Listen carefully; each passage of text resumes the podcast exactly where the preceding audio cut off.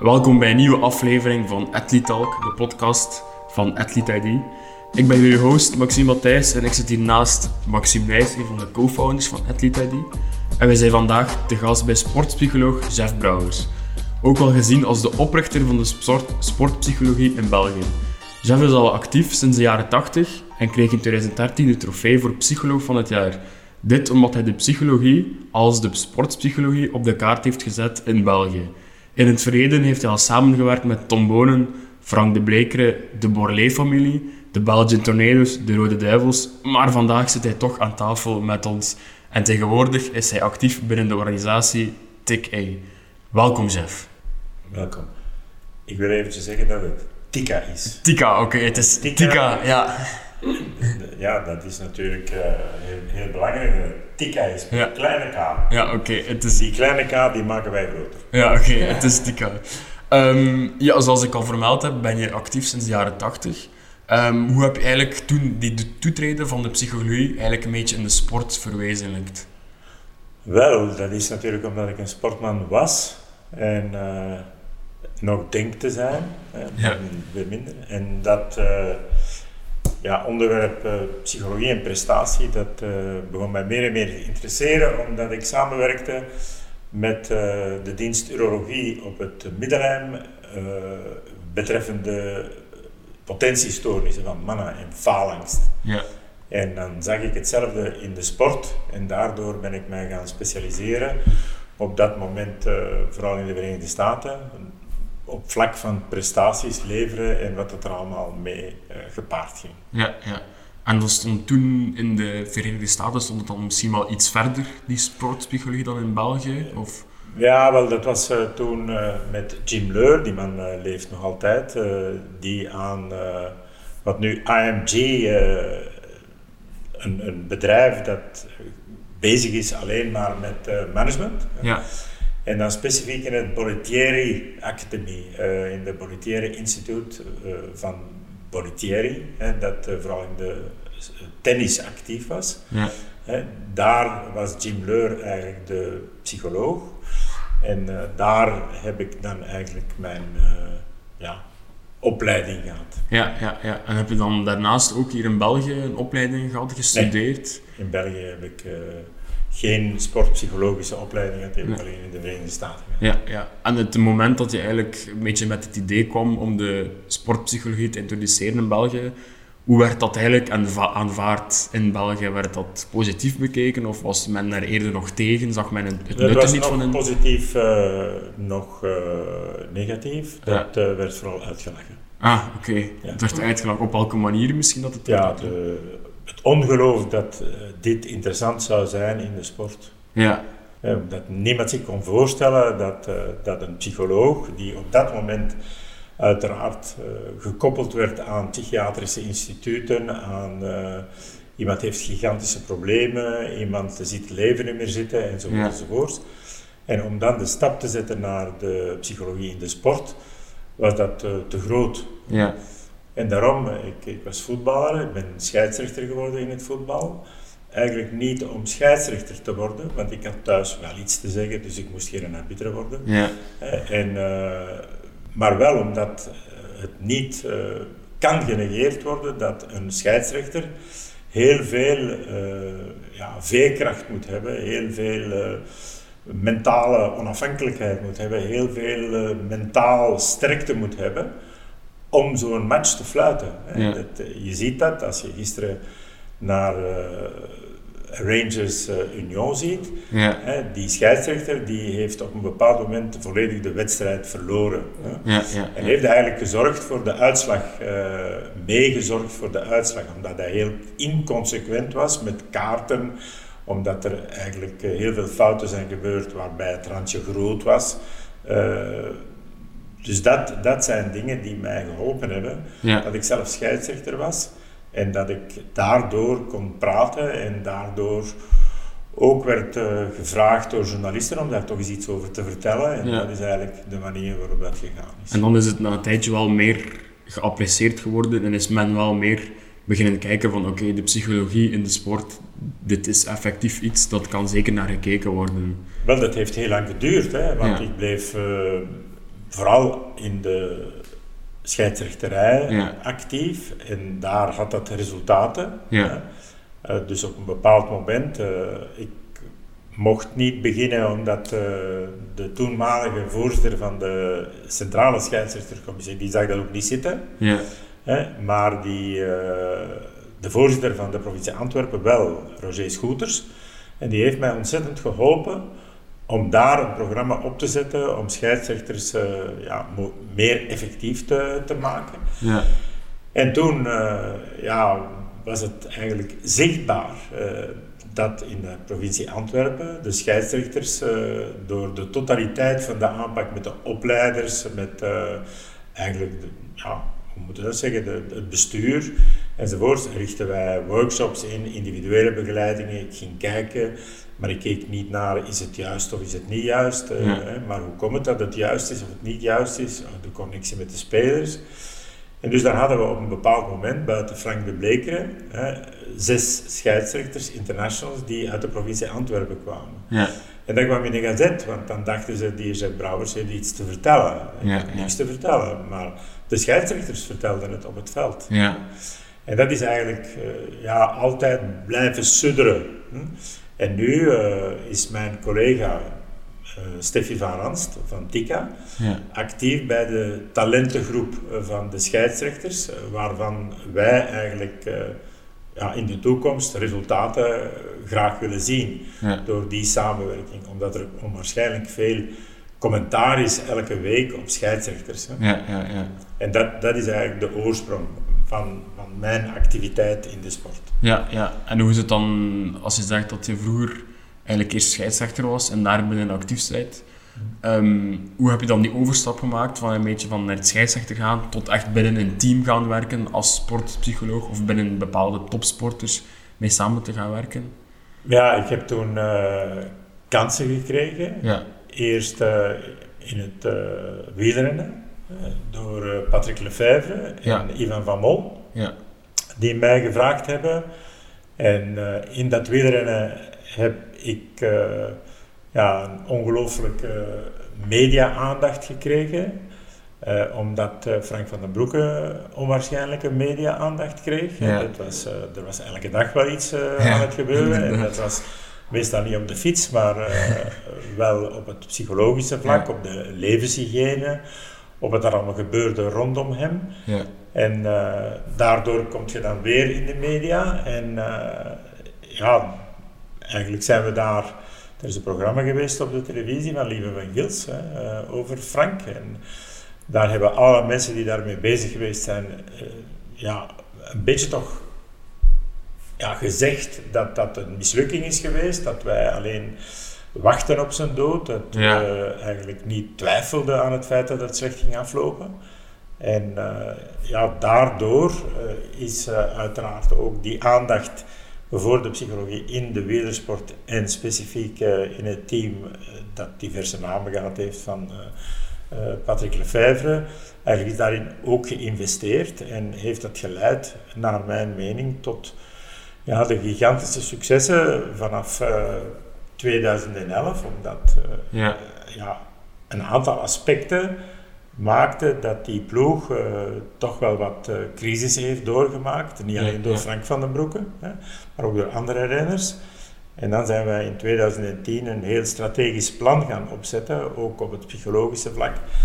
En dan hadden wij ineens eh, ook een sponsoring hè, van meneer Bakkala. hè. ja, En ja, dat heeft natuurlijk geholpen om al die dingen te kunnen realiseren. En, en ja, tot op vandaag is dat natuurlijk een hele succesvolle ploeg. ja, ja. En ben je dan vandaag nog altijd actief binnen eh, de ploeg? Of? Nee, ik eh, ben in 2000, einde 2020 gestopt eh, Ja. met Quickstep.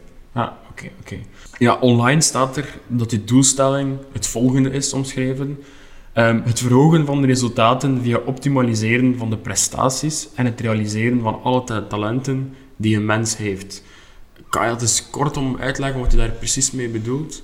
Wel, eh, ik kan dat het beste doen. eh, dat is de piramide en hier is nummer 1 en, en hier zijn er duizend, ik zeg maar wat. Ja. En dus je hebt hier, hier eh, dat is een afval. Ja, En die afval, ja, die, die, die is niet altijd noodzakelijk. Ja. Dat wil dus zeggen, hè, je hebt hier complexiteit. En die complexiteit, dus als je naar boven gaat, hier is dat alleen talent. Ja. Dus als je geen talent hebt, dan zijn de hier al verdwenen. Hè? Ja, ja. Niet gelijk welke sport. Maar dan ga je naar boven en hier word je enorm toegejuicht. Hè? Je ouders in de eerste plaats zeggen, maar goed gedaan enzovoort. En je Ja. krijgt eigenlijk zelden kritiek. Hè? Ja. Eh, omdat het altijd zo goed is, omdat je op een lager niveau bent, dan ga je naar boven, dan word je bijvoorbeeld gescout in de voetbal, dat is het meest evidente Ja. voorbeeld. Hè. En hier, hier, en dat noem ik, eh, ik weet niet of je die eh, natuurfilms kent, over de Mara River waar de gnoes aankomen. Hè, die, Ja. die dan aan die rivier komen en die stoppen, hè, met miljoenen komen die aan. En natuurlijk, als je stopt en, en er zitten er 2 miljoen achter u, ja, die duwen nu gewoon in het water, de ravijn in, en de krokodillen eten u al op. Hè. Dat is eigenlijk eh, een uh, drie sterren restaurant, dat is een Michelin-kaart daar. Hè. Dat is, eh, hè. Dus, dus die worden opgegeten door, eh, door de krokodillen, die eigenlijk niet veel moeite moeten doen. Ja. En dus die rivier moeten over hè, om in die complexiteit te kunnen meedoen. Hè. Ja. Je, je ziet dus eh, bijvoorbeeld in belofte kampioenschappen, ziet je namen en dan gaat het vijf jaar later gaan je zoeken naar die namen en je vindt die niet meer. Nee, nee, inderdaad. Omdat die hier weinig veerkracht nodig hadden Ja, omdat ze die sprong Om- eigenlijk niet hebben kunnen om maken. succes te kunnen hebben. Ja, ja. Dus je kunt eh, ja, zien dat die complexiteit, bijvoorbeeld wij leven nu in een ongelooflijk complexe tijd. Ja. En die complexiteit die brengt mee dat er heel veel afval is. hm. En wat ziet je? Bijvoorbeeld in de Olympische Spelen. In Rio hadden wij zes medailles.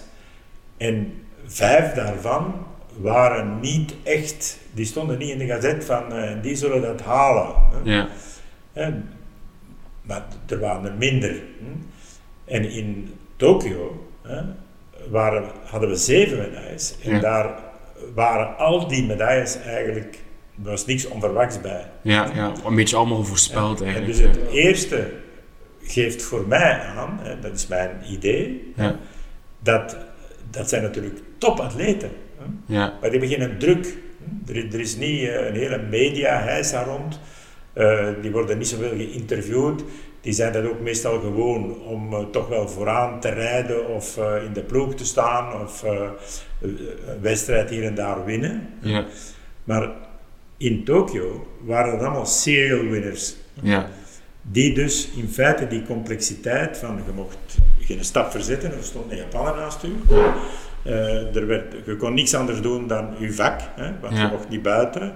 Alcohol was er niet. eh, allee, je kon geen foute dingen doen die Ja. voorheen al in de gazet kwamen. Hè. En dus dan zie je dat die structuren die er rond een atleet zijn en de, de, de zeer goede relatie met de coach, hè, dat die een enorme invloed hebben. Hè. Ja. Dus de, Borlees die 29 finales ondertussen gedaan hebben eh, van internationale wedstrijden. Ja, dat is uniek, hè? maar die hebben natuurlijk geen Olympische medaille gehaald. Dat komt er niet in de gazet. hè. Ja. En dat is eigenlijk een probleem. Dat, Ja. je, dat je niet in de krant komt als je zo'n eh, ongelooflijke carrière hebt en op 34 jaar nog altijd de beste bent Ja. in aflossingswedstrijden. Ja. Dus dat, daar worden geen, geen, geen medailles voor gegeven. Ja. Ja. En daar moet je tegen kunnen. Verstaan? Ja. Je moet daar tegen kunnen om, omdat je geen medailles haalt. Hè. Dus die Borlees die moeten er allemaal tegen kunnen. Hè. Die, die gaan naar de Olympische Spelen en, en weer geen medaille. Hè. Die hebben dus ondertussen vier, met, eh, pardon, vier Olympische Spelen gedaan en geen enkele Olympische medaille. En toch doen die altijd voort. Hè, volgende week weer de Europese kampioenschappen atletiek, Ja. waar weer hetzelfde aan de orde is. Hè, dan moeten een enorme, ja, die, die hebben die rivier door de ongelooflijke ja, kracht van het team, wat dat een familie is. Hè, waarbij de vader de coach is. Dat is een ongelooflijk clan gevoel. Ja. Maar als je naar geschiedenissen kijkt van clans, hè, wat wij gedaan hebben, hoe, hoe, hoe functioneren clans? Hè. Ja, dat is natuurlijk voor atleten die niet tot de clan behoren, ook weer een enorme uitdaging om, om die rivier van die, van die Borlée-klan Ja. eh, eigenlijk te overschrijden. Hè. En dan zie je dat die professionaliteit van zo iemand zoals Jacques Borlée, die eh, ja, op de indoor wereldkampioenschappen zijn eigen zoon Ja. niet eh, selecteert. Hè. Ja, dat is, en dat is eigenaardig dat ik dat zo zeg, maar dat is topcoaching. Ja. Dat is, ik ga voort op de criteria die nuttig zijn om te winnen. Hm. En, en dat scheiden van die enorme gevoeligheid van vader-zoon naar, ik ben een professionele coach en ik wil dat wij winnen. Hm. Mhm. En ze hebben ook gewonnen. Hè. Ze, ze hebben de gouden medaille gehaald. Hè. Dus dat, dat is eigenlijk eh, ja, wat wij eigenlijk mee begeleiden. Ja. U, u sprak daarnet ook over eh, complexiteit, maar ik vraag me dan af, kunnen er ook niet, zijn er geen oppor- opportuniteiten om het format naar eh, die laatste ontwikkelingsfase, naar de top, om die op een betere manier te structureren in sporten? Want ik ben zelf overtuigd dat begeleiding super belangrijk is daarin, maar het format zelf, hoe dat die eigenlijk die weg bewandelen naar de top, in die laatste fase, ik spreek dan vooral de jaren tussen 17 en 21, dat meestal een talent wordt omgezet. Eh, ziet u opportuniteiten om dat op een andere manier te organiseren binnen individuele sporten of teamsporten? Ja, mijn idee is altijd, als je hier begint, dan zijn de ouders de coaches. En dan zal die coach heel vaak contact hebben met de ouders, die hun idee geven over hun kinderen, om ze te laten eh, duidelijk maken van dat kind zit zo in elkaar enzovoorts. En wanneer dat je dan stijgt in de leeftijd, hè, wanneer ze komen in de puberteit, dan is de samenwerking tussen de ouders en de coach ook eh, zeer belangrijk. Maar zijn de ouders aan het uitveden. hè. En wanneer het gaat over topsport, hè, laten we zeggen vanaf 18 jaar, als je er dan ook bij bent, hè, dan moeten de ouders aan de zijlijn staan en zich niet moeien. hè. Dat En- vind ik ook. Eigenlijk eh, moeten ze dan niet op trainingen komen, hè, Ja. om, om- omdat dat eh, geen gunstige invloed heeft op de prestaties van de kinderen. Dat is bij ons op, op Antwerpen ook. eh, in onze coaching vanaf eh 14, 15 jaar willen wij eigenlijk geen ouders meer Ja. aan de zijlijn. Ja. Omdat dat heel vaak ja, een bepaalde negatieve invloed heeft. Die zetten die gasten eigenlijk ook een stukje onder druk. Ja. Ehm, ze beseffen dat soms zelf niet, want ze willen uiteraard ondersteunen. Maar ik denk dat dat vooral thuis moet gebeuren. En vanaf 15, Ja, maar 16 dat, jaar. dat, dat moet bij de jongere kinderen moet Ja. eigenlijk eh, ja, samengewerkt worden om te zeggen hoe gaat jij om met het feit dat uw kind bijvoorbeeld bij Antwerpen speelt. Hè? Ja, En Antwerpen staat nu eh, eerste in het klassement. Dan wordt dat hier beneden ongelooflijk belangrijk. Hoe ouders omgaan met de eerste plaats van de eerste ploeg. Ja. En ja, te weinig wordt dat eigenlijk belicht. Hè? ja, En waarschijnlijk eh, zal dat bij Antwerpen belicht worden, Mhm. maar, maar daar wordt de basis gelegd van het accepteren dat je in feite een arbeider bent eh, Ja. van het veld. Hè? ja, En als jij denkt dat jij iets anders bent, hè, eh, hij speelt daar nu niet meer, maar er stond toch een artikel over Refailov in de gazet. mhm, Hè, dat is gewoon een arbeider van de voetbal. ja, Dat is gewoon een gast hè, die 's morgens tegen zijn vrouw zegt: Schat, eh, ik kan de kinderen wel afzetten op school en dan rijd ik voort naar de club en dan ga ik dat is mijn werken. job. Dat is mijn job, hè. dat is Ja. niks speciaals aan. Nee. En daarom schrijven ze in de gazet: dat is een voorbeeld, die gast. Een stuk bescheidenheid van ik doe een job gelijk dat iemand anders eh, naar een bedrijf stapt en zijn werk doet. Ja. natuurlijk. Ja. Eh, Er is niks, eh, een Timmy Simons, dat is altijd mijn voorbeeld. Dat is ook een gast die naar zijn werk gegaan is. Hè. Ja. Die was ondernemend, heeft daarnaast nog heel veel dingen Voilà. gedaan naast het voetbal Maar- zelf. Maar eigenlijk is die in de gazet gekomen Hm. Gewoon met, met het shotten. Ja, ja. En, en niet met allerlei andere. Terwijl dat de sterkte van hem misschien was dat hij alles zo mooi kon combineren. En Natuurlijk. Ja, maar dat is dan misschien we belangrijk, moeten belichten. Als je Ja. alleen met een sport bezig bent, ga je kapot. Hè. Ja, Je, je moet een leven hebben. Ja.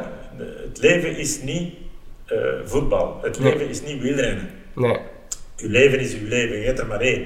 Ja, En om, om eigenlijk dat te doen, heb je maar één instrument, dat is jij. hè. uw lichaam en uw geest. Ja, Ja, natuurlijk, hè. maar je mag dat niet scheiden, hè. maar dat is één geheel. Hè.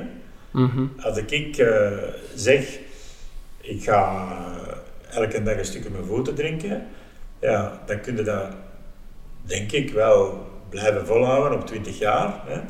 Maar als ik dat doe, gaat dat niet. Hè. Dus als je iets wil doen in het leven en actief zijn, ja, dan moet je een levenshygiëne hebben. Mhm.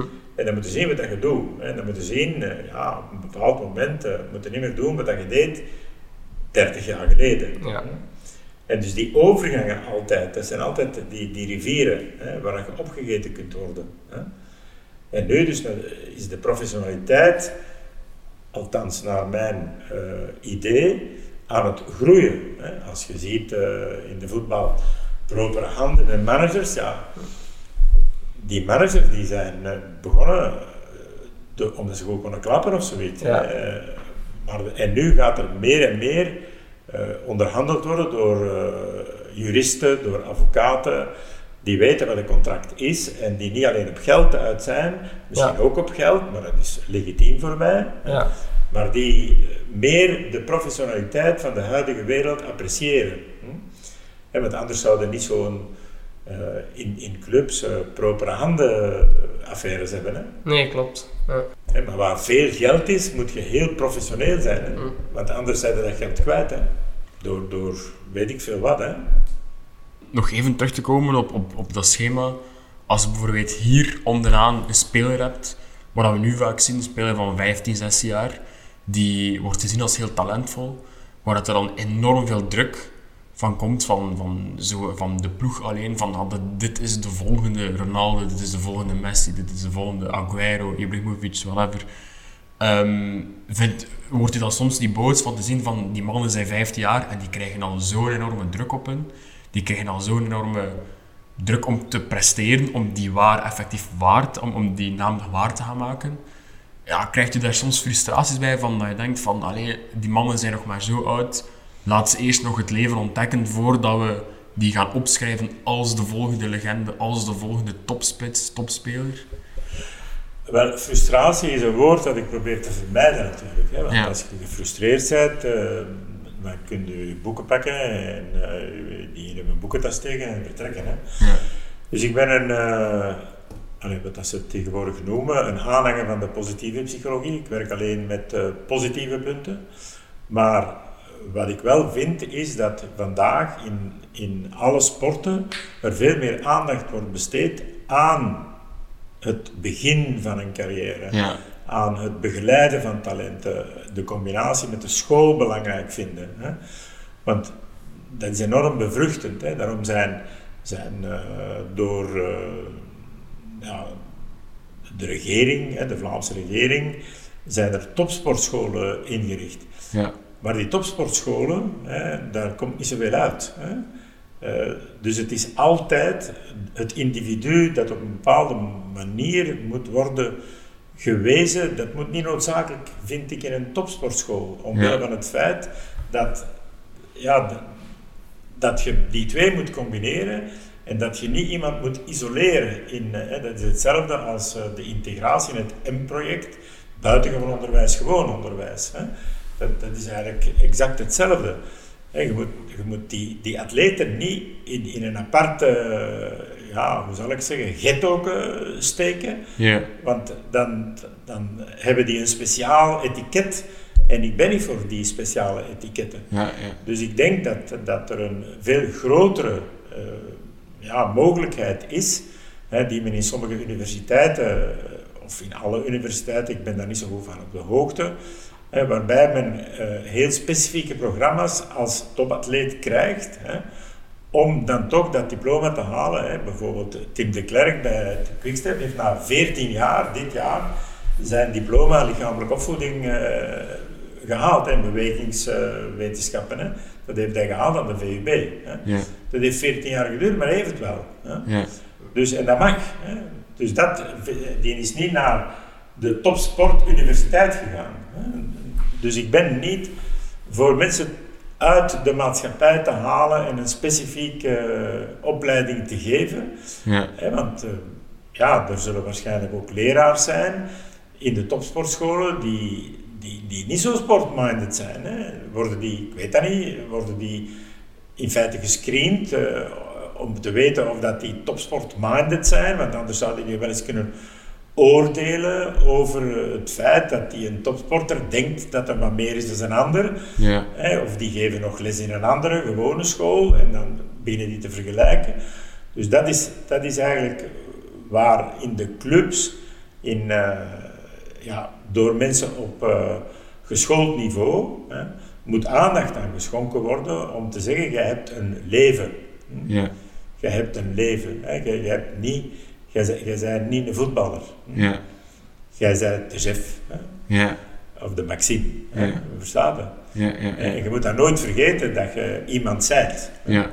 En dat je, hè, als je hè, 20 uur traint per week, ja, hè, 7 maal 24, dan schiet er nog het een en het ander over. Maar dat doen zeer velen in de voetbal bijvoorbeeld niks mee. Hm? Ja. Dan vervelen die zich.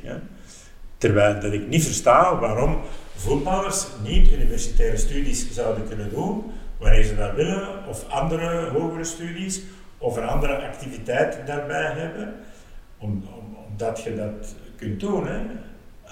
er zijn gasten die beginnen met uh, immobiliën bijvoorbeeld, hè, en die die cursus al gaan volgen, die, die in feite zelf de voorbereiding maken van de overgang uh, van hun beroep op een bepaald moment dat vroeger eindigt dan andere beroepen. Ja. En een ander beroep daarnaast. Hè. Ja. En dus die, die combinaties, daar, daar ben, uh, ben ik eigenlijk een enorme voorstander van. Daar zijn we mee bezig met vrijwel onmiddellijk atleten in hun leven te zetten. Hè. Dus, de kwaliteit van hun leven. Dus bij Tika is het eigenlijk belangrijker om af en toe de mens vooraan te plaatsen in plaats van de sporter, de voetballer, de atleet. En vooral eerst de mens te gaan bekijken of screenen om dan die gericht te gaan begeleiden richting de sport. Ja. Hebt het woord uitgesproken wanneer wij met atleten werken, want er zijn mhm. natuurlijk tal van individuele atleten die hier komen. De meesten die komen niet individueel, want die moeten eigenlijk uh, weten of de club of uh, of de federatie gaat betalen voor die consults. Hè? Ja. En wanneer de federatie dat niet doet, dan doen ze dat niet. Hè? Dus die pakken dan onmiddellijk een stuk van hun succes af. Hè? Uh, er zijn er die zonder dat alles kunnen. Hè? Er zijn atleten die zonder welke expert dan ook aan de top geraken. En dat is evident. Hè? Maar degenen die net niet zijn, die kunnen daardoor geholpen worden. En wanneer die hier komen, dan uh, het eerste wat wij doen, dat is uh, screening. Ja, en ook waarschijnlijk dan eerst en vooral de club of de federatie daar rond proberen te overtuigen van wat zijn onze methodes en omdat je ook wel op uw manier zult willen werken. Ik denk dat je liefst eerst met de federatie of de club goed afstemt van kijk, wij willen net die mens bovenaan plaatsen of wij willen op deze manier werken. Dat is de enige weg naar succes. Of zijn er ook enorm veel clubs die eigenlijk ehm, zelf het in handen willen nemen en, en enkel een keer met een atleet laten praten of zo, maar voor de rest het volledig zelf in handen nemen. Ik denk dat uh, in de sport, in mhm. clubs, in federaties, vooral gefocust wordt op de activiteit. Hè? Ja. En dat is zeer uh, algemeen gezegd. Hè? En niet specifiek uh, welke expertise zou een bijdrage kunnen leveren. Dus men, men uh, denkt niet altijd dat bijvoorbeeld de psycholoog een bijdrage kan leveren. Hm? Dus wanneer dat je een physical trainer hebt, dan verwijs ik naar vroeger. Vroeger was er geen physical trainer. Hm? Ja. En die is daarbij gekomen. Ja. Vroeger waren er masseurs. Nu zijn er kines. En de psychologie, die uh, ja, hinkt altijd achteraan.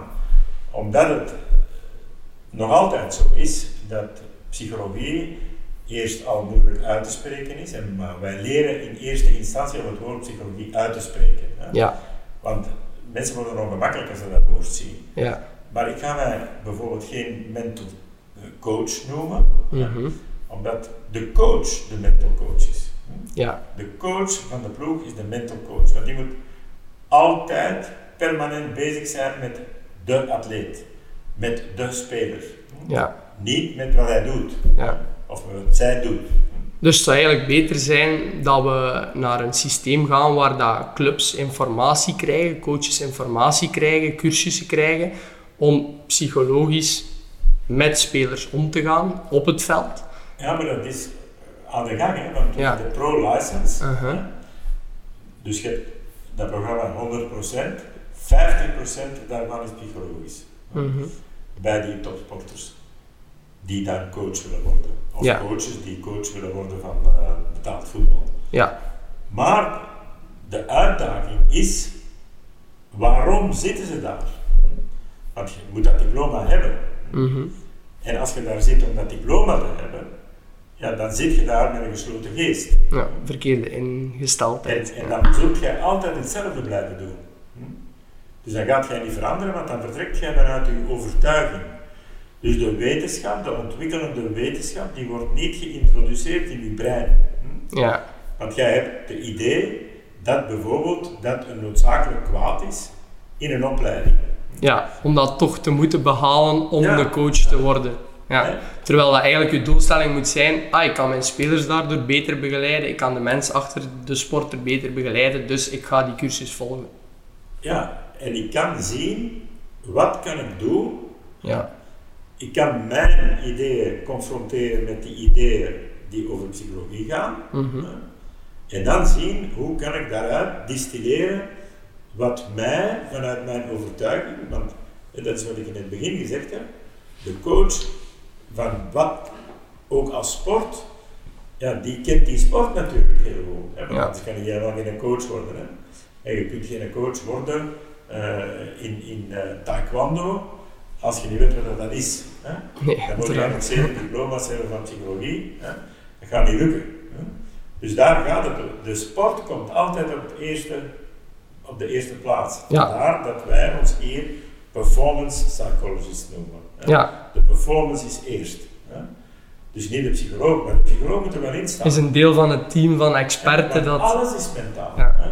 Als jij, hè, ik zou nu kunnen vragen, moest dat een, een visueel programma staan, ga eens recht staan en, en beschrijf nu jezelf. Dus dan zou jij in, de, in het beste geval zeggen, ik sta met mijn voeten op de grond.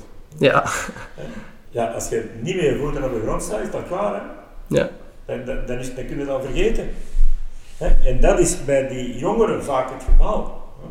Dus daar zeg je als coach, hè, je moet met je voeten op de grond staan. Maar dat moet je dan zeggen, ook met de ouders, want die moeten ook met je voeten op de grond staan. ja, En dan gaan we naar boven. En dan zie je dat jij een scheenbeen hebt. En van achter geen scheenbeen. hè? Van achter heb je spieren. Waarom is dat? Omdat de meeste botsingen die gebeuren van voor. ja, Dus van voor, als jij eh, allee, valt, hè, ja, dan, dan is uw been beschermd door uw scheenbeen. hm? ja, Hè? En, en, en dus, dat is de bescherming van uw stappen. En je moet stappen zetten. Hè? Je moet niet blijven staan bij je talent, je moet stappen zetten. Hè? En als je been niet marcheert, hè? Ja, of als je dat been niet verzorgt, hè? en dan ga je naar boven, hè? en ik maak het wat korter, hè? en dan komt daar nog een buik, en de mijne is wat dikker dan die van een atleet. Dan duw je erop en dan kun je, je kunt van alles voelen daarin. Hè? Er zit geen been. Hè? nee, Dus dat is niet interessant. Hè? Dus die buik, dat is alleen maar, wat, wat kunnen we daar nou mee doen? Ja, alles gebeurt in de buik. Hè? Want uw emoties, je voelt dat, hè? als je examen hebt, hè? dan zijn de toiletten altijd bezet. Hè? Eh, van de zenuwen, hè? want dat, eh, maag en darmen zijn eh verlengingen van eigenlijk het brein. Hè? ja, Dus, en dan gaan we naar boven en dan komen we aan uw ribben. Hm? En ja, die ribben die dienen natuurlijk om uw hart en uw longen. Ja, want als, als je niet kunt ademen, dan is dat moeilijk. En als je dus een impact hebt, en heb je soms een gebroken rib, dan is het moeilijk met ademen, dan kun je geen sport meer. Hè? En dan gaat hij naar boven, gaan we wat rapper, en dan komt de iris helemaal dicht. Is helemaal dicht. En de meeste mensen zeggen, dat, hè, die willen niet luisteren. Het is een kijkkop. Ja, kijk, kijk, je dat er niet in, hè. En dus moet de persoon, elke persoon die moet in feite bereid zijn om zijn deur te openen, om een open mindset te hebben. Hè? Ja. Om een open mindset te hebben dat hij zegt, oké, ik ga toch wel luisteren. En dan doe je ik ga nog... vragen stellen. Ja. Want ik begrijp dat niet. Die gast die schrijft, die, die, die, hè, gelijk wie, deze morgen hè, was er op de radio een programma over het water. Hè. En, en die mens die geeft een interview en die een hoop moeilijke woorden. En dan zegt die journalist achteraf, zegt hij, ja, ik heb hier wat opgeschreven, dat woord en dat woord kun je eens uitleggen, maar die versta het niet. Hè. Dus als jij eh, geen vragen stelt, ja, dan zijn je altijd minder goed dan je zou kunnen zijn. Want degene die zegt, ik weet het niet, is de slimste. Ik weet het niet, ik weet het niet. Geef mij input, dat ik, dat ik het misschien kan weten. En dat zijn cursussen. Hm? Ja. Dus het is altijd praktisch. Maar zeer vaak is het zo. Hè, ik heb ook in de hockey gewerkt, hè, in de opgang ja, naar de Olympische Spelen en medailles. En als je een voorbeeld geeft, heel vaak in de voetbal, over de hockey, bij elfen op een veld, dat is eigenlijk juist hetzelfde. Alleen is de hockey veranderd. Die hebben het spel veel vlugger gemaakt door vervangingen en zo van alles. En door offside af te schaffen. Hm. Maar dan zeggen ja, dat is iets anders. Ja. Ja, dat, dat weet ik ook. Hè. Uiteraard is voetbal en wielrennen iets helemaal anders. Maar de mens niet. De mens is eigenlijk altijd dezelfde. Die functioneert, alle mensen functioneren hetzelfde, maar er is een en- enorme invloed van de omgeving hè, en een enorme invloed van het individu en de persoonlijkheid van het individu. Dus het individualiseren in de sport is een onwaarschijnlijk belangrijke evolutie die moet doorgevoerd worden. Ja. En daarom moeten screenen. Want er is niemand die zegt, we moeten die gasten niet wegen. Die- een gewicht, dat is niet interessant. En we moeten niet zien wat is de hartcapaciteit, of wat is de mogelijkheid om eh kwetsuren op te lopen, de kwetsuurgevoeligheid. Dat wordt allemaal gemeten. En zeer zelden hoor ik, en wij hebben ook een batterijtesten op psychologisch vlak gedaan. En soms doet men dat wel eens, maar dan doet men daar niks mee. Ja. Dus, de, het is voorspelbaar. Het, het succes van mensen is niet altijd voorspelbaar, maar in zeer veel gevallen wel. En ook het mislukken. En wanneer dat je die screenings doet, want alles wordt bepaald hier, dat is uw enige baas. Hè. Als je een leven hebt, dat is niet uw baas. Hè. Of uw vrouw, of uw ouders is niet uw baas. Altijd is dat uw brein Ja, dat beslissingen neemt. Wat ga ik doen met mijn leven? ja, Altijd. Je kunt dat op een ander steken natuurlijk. Hè. Dat is interessant. Hè. Maar het is altijd uw brein dat uw baas is. ja. En daarom ook dat de persoon die dan zegt van, eh, van het voorbeeld dat u aanhaalde van, ik versta het niet, ehm, ik ga vragen wat die woord betekent, dat die persoon de intelligente persoon is, omdat hij eigenlijk van zijn eigen besef van, oké, ik begrijp het niet, maar ik wil aan mezelf werken, ik wil weten wat dat betekent, dat ik mee ben in het gesprek. Ik ga dat toegeven van mezelf, van kijk, ik versta het niet, ik ga vragen wat het betekent en zo ga ik meer leren. En op die manier is hij eigenlijk de intelligente persoon, Ja. naar vergeleken met iemand die zou zeggen van, goh ja, ik weet het niet, maar ik ga, ik ga het niet laten zien, want ze denken ze nog dat ik zwak ben, of zo, ja. Natuurlijk. En, Ja, allee, ik heb toch wel wat in voetbalclubs gewerkt. De coach geeft een briefing ja, voor een wedstrijd. Letterlijk, wat ik nu ga zeggen. Ik heb tal van die briefings meegemaakt. Ik weet dat ik heb in elf voetbalclubs, betaalde voetbal gewerkt. ja, Nooit heeft er één speler een vraag gesteld. ja. Nooit. Maar ze eigenlijk allemaal zullen niet zwak overkomen tegenover de coach en de tegenover... beste zullen luisteren Ja, en die anderen die zeggen ze iets gedaan. ja, ja oké, ja. En die spelen heel vaak zoals zij denken dat ze moeten spelen. Ja, ja, Als je gisteren de wedstrijd gezien hebt van Rangers Union, dan zegt de coach achteraf, ze hebben niet gedaan wat ze eigenlijk konden doen. Ja, Dan moet je je afvragen, waarom is dat? ja, ja. Waarom is dat? Maar is, ligt het probleem dan al niet vroeger in een ontwikkeling? Je sprak daarnet over een open mindset. Is dat niet iets waar dat je aan kunt werken in je jeugdjaren? Of, Natuurlijk. en komt dat dan volledig intrinsiek vanuit jezelf? Of denk je die open mindset, dat is trainbaar, dat kan begeleid worden door andere mensen? Natuurlijk. Ja. Ook door de coach, allicht in de sport, maar daarbuiten ook in de maatschappij door anderen. School. Ja. Allee, in, in de school begint dat. Hè. In, de, in de school moet je luisteren naar de persoon die vooraan staat. En Ja, als je dat dan betant doet in de klas, dat is niet goed. er is een hiërarchie. Ja. En zeer vaak, als je zeven keer dezelfde vraag stelt, wat eigenlijk zou moeten kunnen in de school, dan wordt er aan betant ik.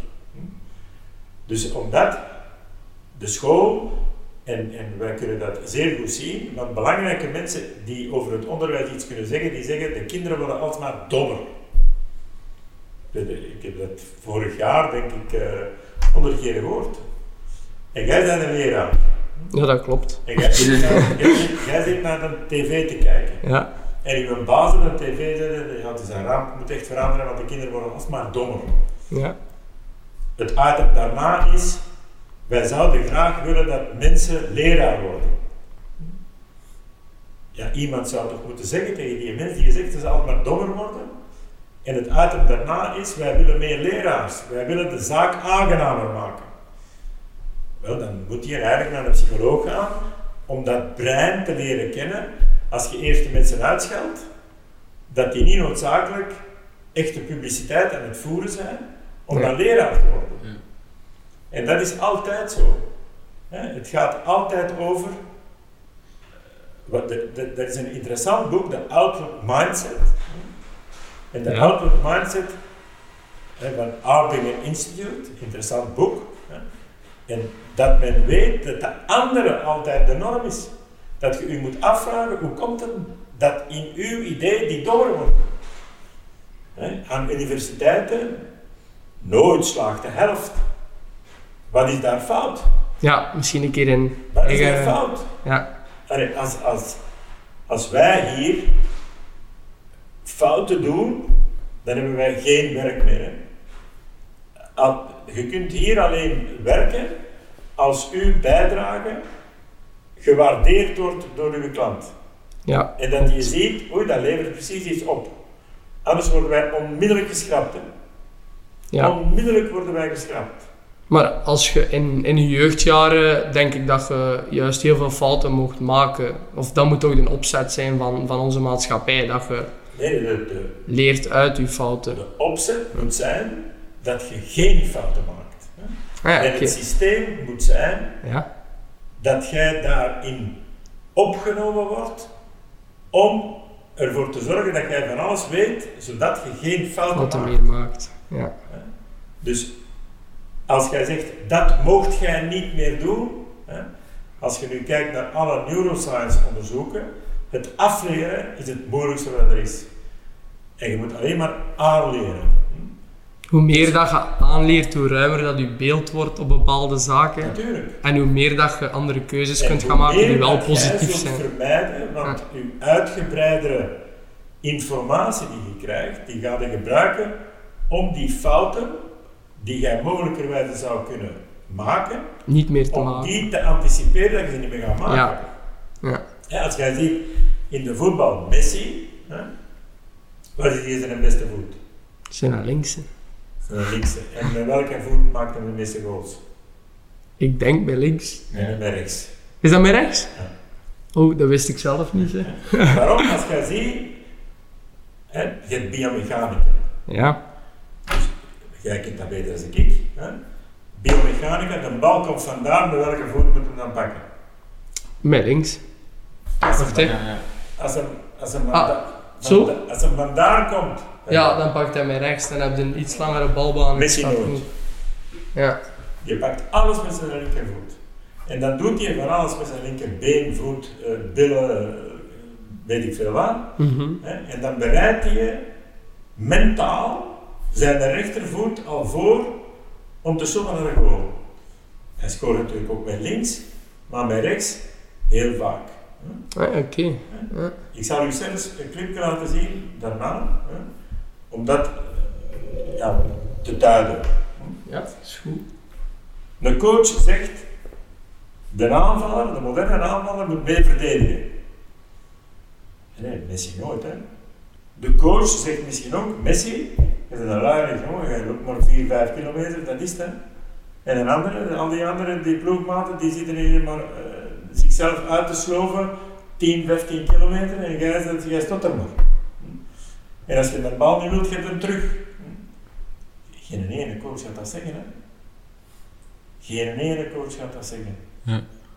Want als die je verdedigt, hè, bijna altijd krijgt je een kaart. Daarom zeggen die verdedigers, blijf maar van voor, hè. We moeten er nu niet hebben, hè. Jij kunt dat niet. Ja.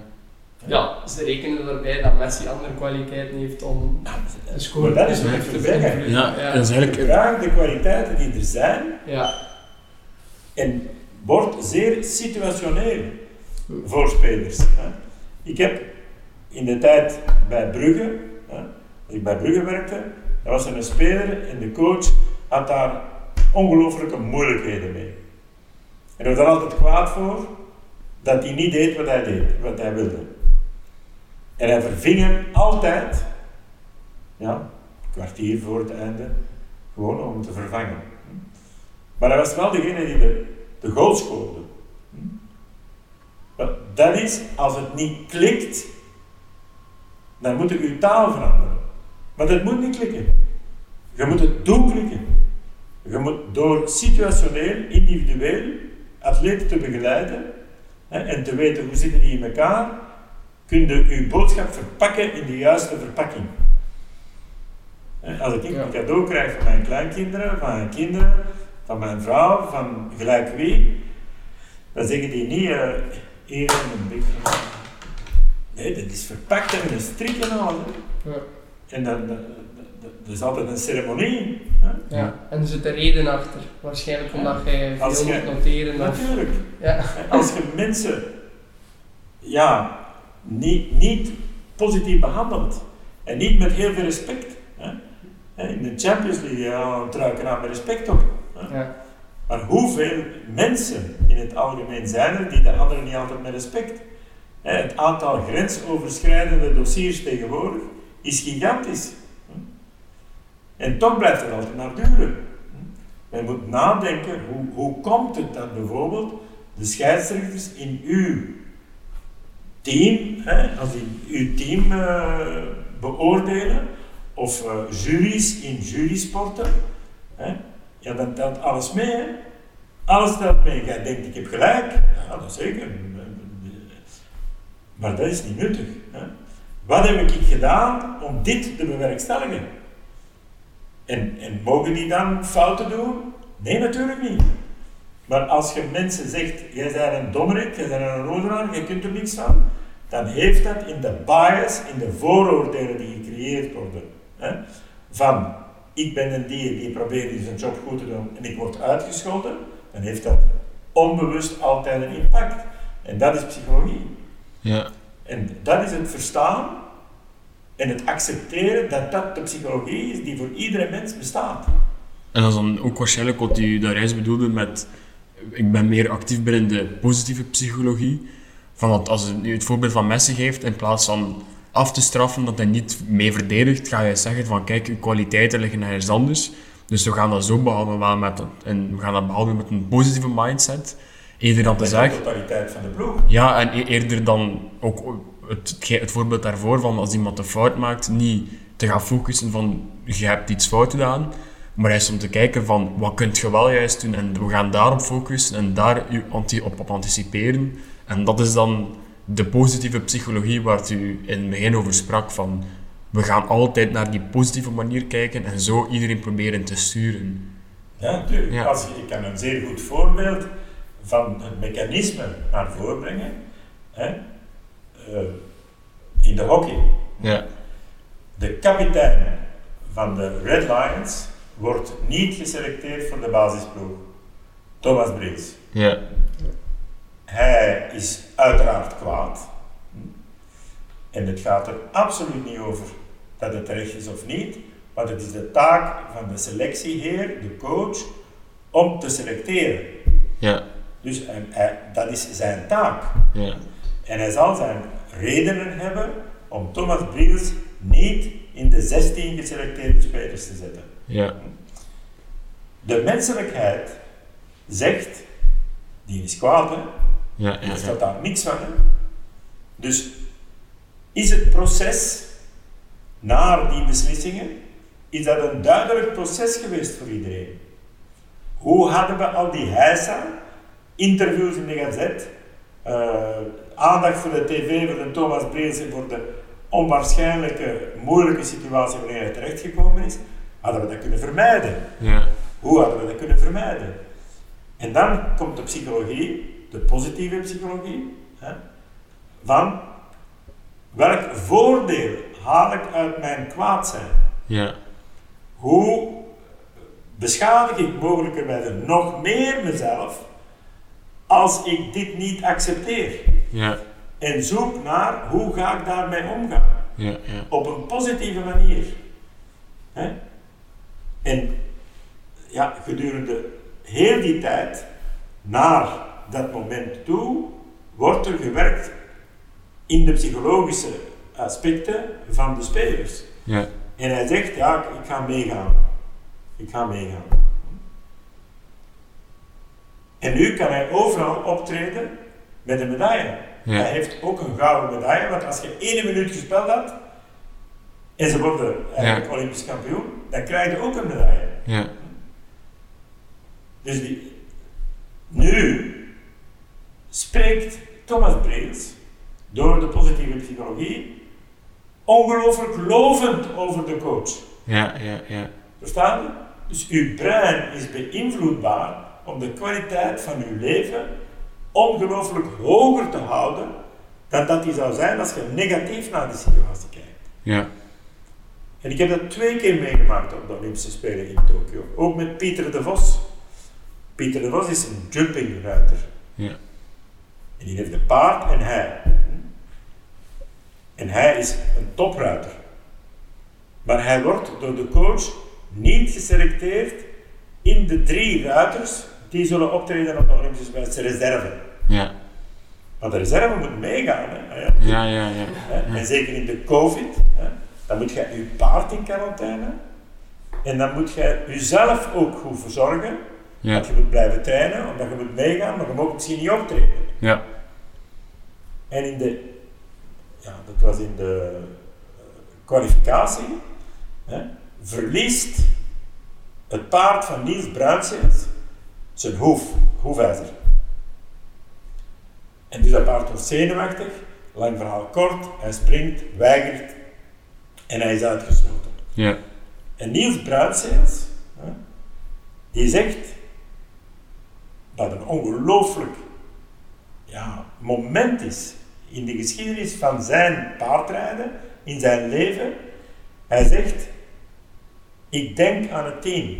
ja, Mijn paard heeft het risico nu in zich dat het, wanneer wij voor het team gaan, dat dat weer weigert Ja. in, die, in, in, in die wedstrijd. ja, ja, Met alle obstakels. Mhm. Want het herinnert zich natuurlijk dat obstakel waar dat hem geweigerd heeft. En de Niels zegt, ik, ik kan dat niet riskeren. ja, Dus hij geeft zijn plaats op, aan Pieter de Vos. Op de foto's daarna staat de Niels zonder medaille ja, en, En Pieter de Vos met met medaille. medaille, ja, En hij ging ook niet mee, Nee, Pieter de. Vos. ja, En dan gaat het over de positieve psychologie. Wat win ik als ik koppig of kwaad of revanche wil? ja? Je straft altijd je eigen. Ja, want Dus de negativiteit straft altijd je eigen. moest hij toen koppig geweest zijn, had hij waarschijnlijk de medaille niet gehad, had de, de ploeg, thuis gebleven. ja, dat de ploeg gewoon geen medaille gehad. En, Nee, nee, dat weet ik niet.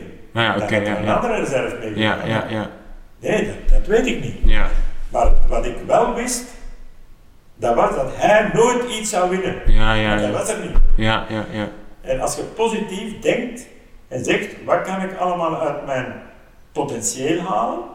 Ja, Ja, op dat moment geeft je jezelf kansen. Ja. Hè? Want coaches, ik, uh, een kine, dat zijn passanten in je leven. Je moet jezelf niet belangrijk achten. Ja, ja, ja. De passanten in je leven. Men is nu onderzoek aan het doen. Hè? Association for Applied Sports Psychology, twee maanden geleden een artikel over dankbaarheid. Ja. Waarom, waarom denk je dat dat is? Omdat de meeste sporters niet dankbaar zijn. Ja, ja, ja. Die zijn niet dankbaar. Die Nee. zeggen, ikke, ikke. Ja. Maar dankbaarheid geeft ongelooflijke resultaten. En dat zie je aan Navitian, aan eh, de Belgian Tornado's, aan eh Kassen, aan die jumping gasten, aan, eh, aan, aan eh, Van Aert, als je die hoort spreken over, over de, de, de mede-renners van zijn ploeg, eh, Abdi, Bashir Abdi. Allee, het, het is ongelooflijk hoeveel dankbaarheid er dat daaruit naar voren komt. Ja. En de hockeyspelers voorop. Ja. Dat zijn de zeven medailles. Hè? Dus alleen maar merci, merci, merci, merci, merci, merci, merci. hè. Ja. Alle man die erin zit, merci. Ja, ja ik kan dat wel. Want u zegt daar Bashir Abdi. Ehm, ik heb die toevallig anderhalve maand geleden ontmoet. En dat was een enorm vriendelijke mens. Dat was een enorm vriendelijke mens. En nu dat hij dat zegt, kan ik me inderdaad inbeelden dat dat een enorm dankbare mens is. Ook die niet zichzelf, die altijd naar zichzelf Nooit. kijkt van ik kijk, kijk, maar die kijkt voor het team, voor de prestaties die oké in zijn naam worden gedaan, maar dan eigenlijk meer gaat altijd opdragen aan het team. Want dat was eh, ja, een heel hartverwarmende mens eigenlijk. Ja. Dat was een heel aangename man eigenlijk. Ja. En dan snap ik wel... Nee, maar hij heeft een medaille gehaald. Ja, Een medaille van de connectie. ja, ja. Hij heeft geen medaille in de marathon gehaald. Nee, nee. Want zonder die connectie hè, met Abdi Nageye Ja, had hij nooit een medaille gehaald. ja, Dus dat is psychologie. ja, ja. Dat is psychologie. En door de vriendschap die er is tussen die twee, heeft hij een medaille gehaald. Ja, ja, ja. Pas op, klein detail, hij kan goed lopen. Hè. Ja, ja, tuurlijk, tuurlijk. Maar het is niet dat dat de essentie is. Nee, Dat inderdaad. is uw entree-ticketje. Ja, Als ik aan de start van een marathon kom, na ongeveer 300 meter geef ik op. Verstaan je? Ja. Hè, Dus je moet dat kunnen. Hè. Ik negeer niet het talent.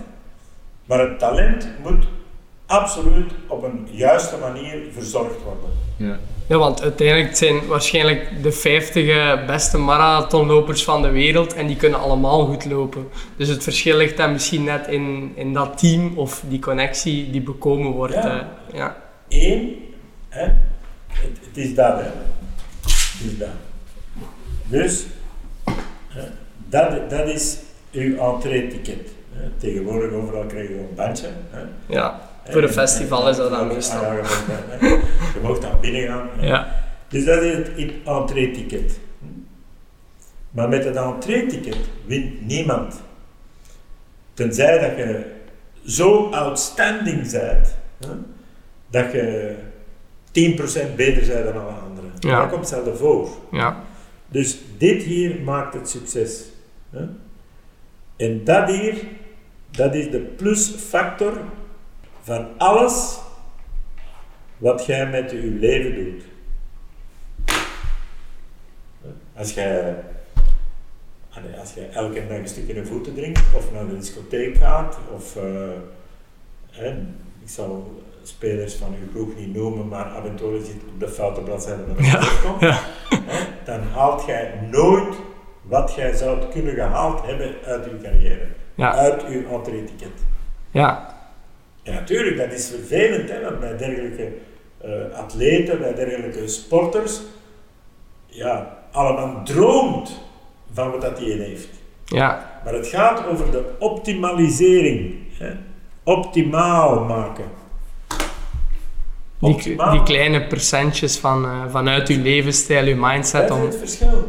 het heel uw leven lang te doen ook Zijn de eh, dingen De details zijn belangrijk, is een te verbeteren zin. Ja. Het is wat doet jij met je entree-ticket via die details die allemaal dan het belang maken van het realiseren van dat entree-ticket. Het realiseren van dat entree-ticket. gelooft jij dan sterk in, in eh, ja, het potentieel van een atleet? Ik wil, ik wil daarmee zeggen, ehm, is er een mogelijkheid om talent te identificeren? Of vind je talentidentificatie eigenlijk uh, een overroepen concept, omdat misschien... Nee, nee, dat is uitzonderlijk belangrijk. Ja, oké. Dat is uitzonderlijk belangrijk, maar de criteria zijn zeer vaak subjectief. Een scout vertrekt zeer vaak vanuit zijn overtuiging dat is de goeie. En, en daarom is het zeer belangrijk om eigenlijk, ja, wij noemen dat de readiness level. Hoe klaar is deze sporter voor die sport op dat niveau? Ja. En dan gaan zien naar waar moet jij op basis van die prestatiebehoeften iets gaan doen dus dat is belangrijk. En daarin moet men investeren. in, in de sport waar eigenlijk iedereen mee bezig is op de wereld, de voetbal. En als je daar aan de top staat, als jij ziet uh, Dries Mertens, die naar Galatasaray gaat, en ik vind dat fantastisch van Dries Mertens, maar natuurlijk zegt hij niet nee tegen 2,5 miljoen bij Napoli. Als hij niet weet dat het ander al klaar ligt. Hè. Maar die moet daar weggaan. Hè. Die weet heel goed dat die Napolitaners zijn. Dus dat is, dat is ongelooflijk hoe dat die op de hoogte is van de emotionele intelligentie. Hè. En hoe mhm. emotioneel dat die intelligent is om op die manier dat daar allemaal mooi af te sluiten. Dat is fantastisch. Dat is een gast die maximaal resultaat heeft gehaald op alle, vlakten, op alle vlakken van zijn kwaliteit van het leven en dat van zijn vrouw en van zijn kleine. Ja, want voor hetzelfde geld was daar enorm veel haat rond zijn persoon als hij dat slecht had aangepakt uh, in Napoli. En, uh... De, ja, dat is, dat is een ja. case study die ze aan elke universiteit moeten zeggen. Hè, van wat is hier eigenlijk allemaal over te vertellen? Er is niks negatiefs geweest. Niks negatiefs. En hij heeft, althans op financieel vlak, daar een maximaal resultaat uitgehaald. En ik denk ook op carrièrevlak. Want ja. daar is het ook plezant. Hè? In Napoli, als jullie willen en die willen betalen, wat in het verleden niet het geval was, ja, dan is dat minder plezant. Hè? Ja, want dat speelt altijd in je hoofd ook als je dan op het veld komt. Ja. Je mag misschien niet meer meespelen. Ja. En dat is geniaal. Dat is geniaal. Um, nu daarnet het, het, is het woord COVID gevallen. Um, ja, heel veel sporters tijdens de, de, de COVID-pandemie hebben stilgezitten, hebben niet kunnen sporten, zijn misschien wel in een zwart gat gevallen te zeggen. Um, en ik denk dat ook zowel voor sporters als voor mensen in het dagelijks leven, studenten, mensen die een job hebben buiten de sport, um, zijn dan heel vaak toespraak gaan doen op psychologen eigenlijk, omdat ze zich niet goed meer in de vel vonden, omdat de levensstijl zo drastisch is aangepast. Um, hoe heeft u daar uit uw eigen ervaring eigenlijk veranderingen in gezien? Ja, zijn er dingen die er opgemerkt zijn die veranderd zijn sinds de COVID-pandemie? Wel, de atleten, professionele atleten, hebben als enige in de maatschappij altijd mogen trainen. Ja. Die zijn nooit verhinderd om naar fitnessen te gaan, naar uh, voetbalvelden. Die hebben altijd mogen trainen. Met bepaalde maatregelen in acht te nemen. Dus dat is de eerste belangrijke vaststelling. Ja. Wanneer dat je dat moogt, dan moet je daar weer het positieve van inzien. En dan moet je accepteren dat er geen wedstrijden zijn. Daar doen die eigenlijk die trainingen voor. Ja. En dat valt weg. Daar kun je niks aan doen. Jij hebt niks te vertellen, er zijn geen wedstrijden. Ja. Dus als jij blijft focussen op er zijn geen wedstrijden, waarom doe ik dat hier? Dan zijt je geen topatleet. Dat is een van de criteria dat jij je sport graag moet doen en dat je ze moet doen vanuit jezelf. Niet alleen om competitie. Er zijn heel vaak, en ik heb het in mijn carrière ongelooflijk in veel sporten meegemaakt, ik ben niet geselecteerd. Hoe kan ik dan laten zien wat ik kan? Ja. En je moet dat niet in een wedstrijd laten zien, hè. je moet dat op training laten Ja, zien. ja, ja.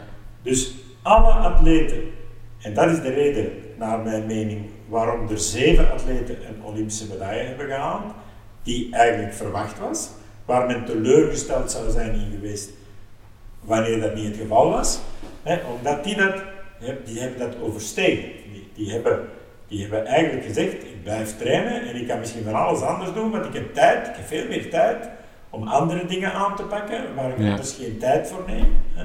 En dat is ongelooflijk belangrijk. Ja, Dus het is altijd, ik, heb, ik heb een, een mapje gekregen van mijn vrouw, it's never not in the mind. Ja, En er staat er in het goud op. En, en dat goud, dat is voor de gouden medaille. Eh, Want als je dat niet weet, dan ga je die nooit halen. It's never not in the mind. ja, Dat is dubbele negatie, dat is straffer dan, het is altijd. Want dan zeg je, ja, dat, dat is zeer, hè, maar it's never, vertel dat nog eens? Ja, ja, ja, ja, it's never, maar je moet erover nadenken, hè. Hè. ja, En dat is dus enorm belangrijk, omdat alles in het brein gebeurt, mits het talent, hè. ja, ja, En dus in die COVID-periode, hè, ik werk met de gymnasten, de meisjes toestelturnen gymnasten, ja, die mochten ook alleen maar trainen. Hè. Dat is geen enkele wedstrijd. Ja. nooit zo'n goede prestaties gehaald. als toen. Ja, Nina heeft goud gehaald, dat was voorzien. Hè. Iedereen zou teleurgesteld zijn als hij dat niet Ja. gehaald heeft. Hè. En het team heeft nooit beter gepresteerd. En die waren dan nog eens onderhevig aan de onwaarschijnlijke eh, gebeurtenis van die eh, ethische commissie over grensoverschrijdend gedrag. ja, En wij hebben op alles positiviteit eigenlijk uitgespeeld. Hè? En daardoor hebben zij in de kwalificatie de vijfde plaats behaald als team. En Nina en drie individuele finales. En Nina een gouden medaille. En, dat, en die hebben elke dag getraind. ja, Elke dag getraind. En dat is dus enorm belangrijk. Hè? Dat proces van permanent bezig zijn met alles is ja, high performance mentality, ja, de elite sporten. Hè? Dat je altijd zo moet denken, want daar gebeurt dat. Hè? Dat heeft geleid tot die resultaten. ja, Is dat misschien ook eh, een tip naar, naar onze luisteraar, naar onze spelers die daar bijvoorbeeld bij ons in de academie zitten? Ehm, onze doelgroep is spelers die eigenlijk op een lager niveau spelen op dit moment, maar eigenlijk wel nood hebben aan professionele begeleiding. Dus inderdaad, ze zitten binnen hun club niet in de beste structuur. Ze hebben uiteraard wel coaches die hun bepaalde dingen meegeven en een twee à drie keer per week trainen ze daar. Maar binnen onze academie willen ze eigenlijk die extra momenten gaan creëren voor zichzelf, waarbij dat ze ook wel professioneel begeleid worden. Ehm, hebt u ja, adviezen voor hun naar, naar de spelers toe om ja, toch ook wel die prof-mindset te hanteren, ondanks dat ze misschien nu op dit moment nog op een lager niveau spelen? Maar het niveau is niet zo belangrijk. Hè? Ja. Amateurs kunnen zeer professioneel denken. Mhm. En, maar meestal denkt men dat amateur eigenlijk te maken heeft met betalen. Hè? Ja. En dat de professionaliteit begint met het betalen. hè. En dat is dus niet. Ja. Het is dus zeer belangrijk, wat ik daar straks zei, dat je met die ouders ja, enorm veel moet samenwerken om hen te, duidelijk te maken wat professionele, wat toppe eh, atleten zijn, wat elitesport is. Ze bewust maken van... eh, En dat het niet alleen geld is. Ja. En zeker in de voetbal niet. Het is, niet, het is vooral niet geld. Geld is een gevolg. Ja. Geld is een gevolg. Hè. Wanneer ik in het begin van mijn carrière in de sport actief was en ik wou ook nog eens een factuur sturen, ja, dat was helemaal niet mogelijk. Hè. Dus je moet heel veel investeren. Hè. Als je naar de Verenigde Staten gaat, en zeker in de jaren 80, dan kostte het vliegtuig iets meer dan nu. Hm. Ja. En dat is wat ik aan mijn eigen kinderen, aan mijn eigen kleinkinderen zeg. Je moet investeren. Je moet investeren zodanig dat jij opbouwt en dat je het verschil kunt maken.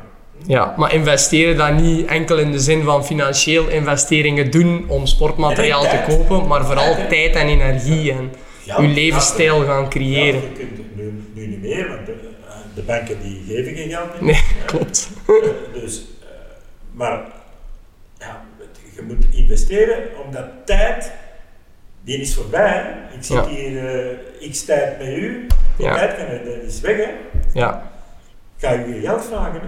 nee, klopt. Maar we zijn wel weer wat slimmer geworden na dit Maar ik uurtje ook, babbelen, dus... Ja. Ik ook, maar Ja. wanneer dat ik praat, zou ik toch moeten denken, wat ga ik zeggen? Hm? En ik hoor mijn eigen praten en dan denk ik, heb ik dat goed gezegd? Ja, Hè? Of moet ik daar een nuance, of ik luister naar wat dat jij zegt en ik zeg hè, van COVID, hè? Nee, die hebben altijd mogen trainen. Hè? ja, Ja. Het, het is niet zo dat die geen sport mochten doen, die mochten altijd sport doen. ja, En dat is dus belangrijk. Hè? Het is altijd de tijd. ik, ik ga soms eh, gewoon eh, in, in mijn stoel in de hof zitten. Hè? En dan, dan, dan zit ik niks te doen. Hè? En dat, dat is downtime. Downtime moet je nemen waarbij dat je gewoon door het venster zit te kijken. Of naar een schilderij. Hè? Er zijn mensen die zeggen, eh, ja, volgens mij kan je ook of zo. Hè? Maar ik vind dat nu schoon. Hè? En ik Ja. kan er aan kijken, dat is downtime. Ja. Hè? De- de- je bent niks aan het doen. Hè? Maar je moet leren. Je moet leren en niks doen. Ja, Om eigenlijk iets te kunnen doen. En, Ja. en dat is wat zeer vaak, hè, ofwel doen de mensen niet, ofwel vervelen ze zich. En ja, ik heb me nog nooit verveeld. Dat is vervelend. Zalig. Oké, dus eigenlijk ja, om een beetje af te sluiten, investeer tijd om je toekomst waar te maken eigenlijk. Van als je dromen hebt, als je iets wilt behalen, kijk niet naar, naar, naar het financiële, oké, het is ook belangrijk, maar investeer je tijd, denk erover na, schrijf je ideeën neer en, en volg die ideeën eigenlijk. Ja, wat je daar zegt is enorm belangrijk. Zonder schrijven komt er nergens. Ja, Nergens. ja, ja. Ik herhaal dat ik zelden in briefings atleten heb zien schrijven. Ja, En uw brein is zo traag dat het iedereen en daar eruit is. En daardoor blijft men altijd volharden in hetzelfde. En evolueert men niet.